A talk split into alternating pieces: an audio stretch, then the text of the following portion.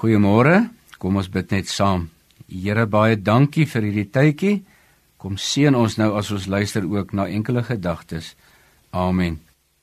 Ek wil vanoggend voorgaan met hierdie reeks oor die bergpredikasie en juis oor die onderwerp om jou vyand lief te hê.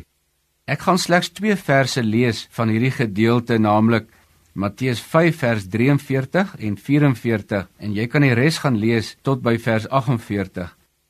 Julle het gehoor dat daar gesê is jy moet jou naaste lief hê en jou vyand haat.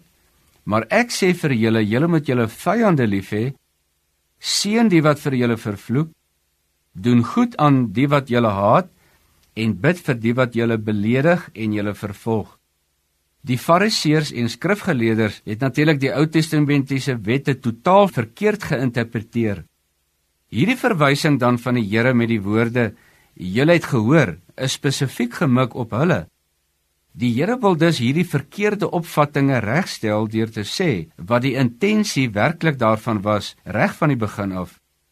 Die opdrag dan van die Here is gemik op gesindhede en verhoudinge nie slegs met medegelowiges nie, maar met die wyeer spektrum van alle mense. Die gesindheid gaan oor sy kinders se hantering en beskouing van alle mense. Sy begeerte vir sy kinders is om in nederigheid en sagmoedigheid op te tree. Dit beteken nie om eenvoudig alle foute en sondes te kondoneer nie, maar om te besef dat hy juis vir die sondaar gekom het, juis vir die redding van verlorenes. As ons kyk na God se beskouing van die mensdom, dan laat hy reën oor goeies en slegtes, Hy laat die son opkom oor goeies en slegtes en hy gee seëninge oor selfs diegene wat hom ontken. Alhoewel God straf voorhou teenoor diegene wat hom verwerp, is hy lankmoedig op elkeen. Sy genade betoon hy volgens prerogatief. Ons noem dit algemene genade, met ander woorde, God werk volgens genade en nie verdienste nie, alhoewel ongelowiges niks uit sy hand verwag nie.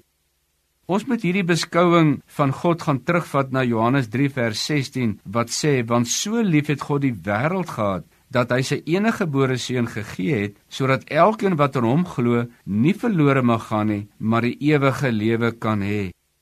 So onthou net dat God het die hele mens lief en daarom verwag hy dat ons mense sal lief hê. Ag Here, help vir ons dat ons ons vyande nie anders sal hanteer nie, maar u liefde teenoor hulle ook sal bewys. Amen.